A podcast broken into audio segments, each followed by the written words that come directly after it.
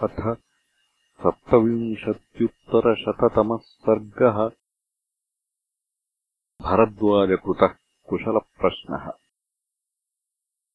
पूर्णे चतुर्दशे वर्षे पञ्चम्याम् लक्ष्मणाग्रजः भरद्वाजाश्रमम् प्राप्य ववन्दे नियतो मुनिम्। सोऽपृच्छदभिवाद्यैनम् भरद्वाजम् तपोधनम् शृणोषि कच्चिद्भगवान् सुभिक्षानामयम् पुरे। कच्चिच्च युक्तो भरतो जीवन्त्यपि च मातरः। एवम् उक्तस्तु रामेण भरद्वाजो महामुनिः। प्रत्युवाच रघुश्रेष्ठम् स्मितपूर्वम् प्रहृष्टवत्। पङ्कदिग्धस्तु भरतो जटिलस्त्वाम् प्रतीक्षते पादुके ते पुरस्कृत्य सर्वम् च कुशलम् गृहे। त्वाम् पुराचीरवसनम् प्रविशन्तम् महावनम् स्त्रीतृतीयम् च्युतम् राज्यात् धर्मकामम् च केवलम् पदातिम् त्यक्तसर्वस्वम् पितुर्वचनकारिणम्। सर्वभोगैः परित्यक्तम् स्वर्गच्युतमिवामरम् दृष्ट्वा तु करुणापूर्वम् ममासीत् समितिञ्जय कैकेयीवचने युक्तम् वन्यमूलफलाशिनम्।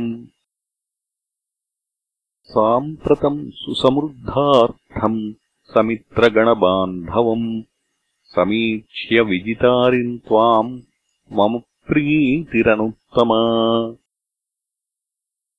सर्वम् च सुखदुःखम् ते विदितम् मम राघव।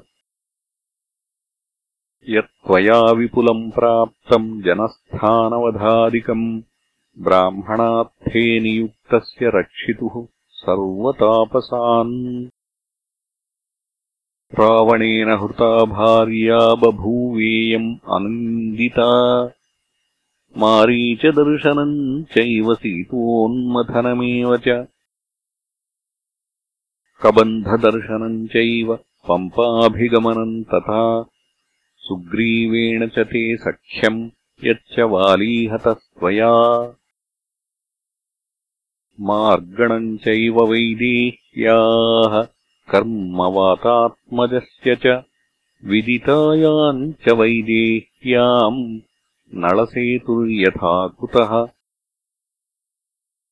यथा वादीपितालङ्का प्रहृष्टैर्हर्यूथपैः सपुत्रबान्धवामात्यः सबलः सह वाहनः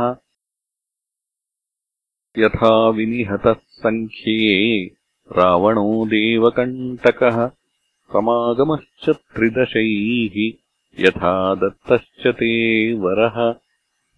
सर्वम् ममैतद्विदितम् तपसा धर्मवत्सल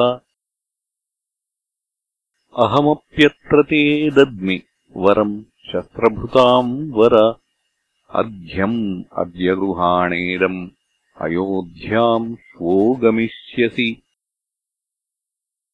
तस्य तच्छिरसा वाक्यम् प्रतिगृह्य नृपात्मजः बाढमित्येव संहृष्टो धीमान् वरमयाचत।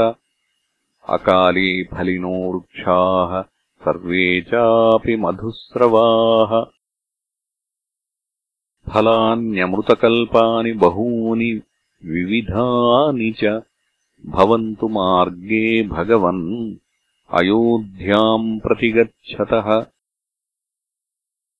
तथेति च प्रतिज्ञाते वचनात् समनन्तरम्।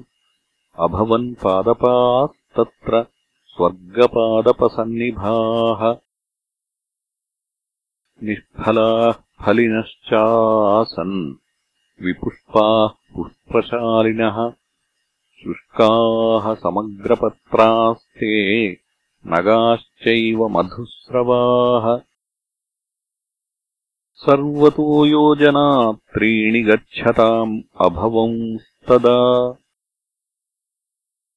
ततः प्रसृष्टाः प्लवगर्षभास्ते बहूनि दिव्यानि फलानि चैव। कामादुपाश्नन्ति सहस्रशस्ते। मुदान्विताः स्वर्गजितो यथैव। इत्यार्षे श्रीमद् रामायणे वाल्मीकीये आदिकाव्ये युद्धकाण्डे सप्तविंशत्युत्तरशततमः सर्गः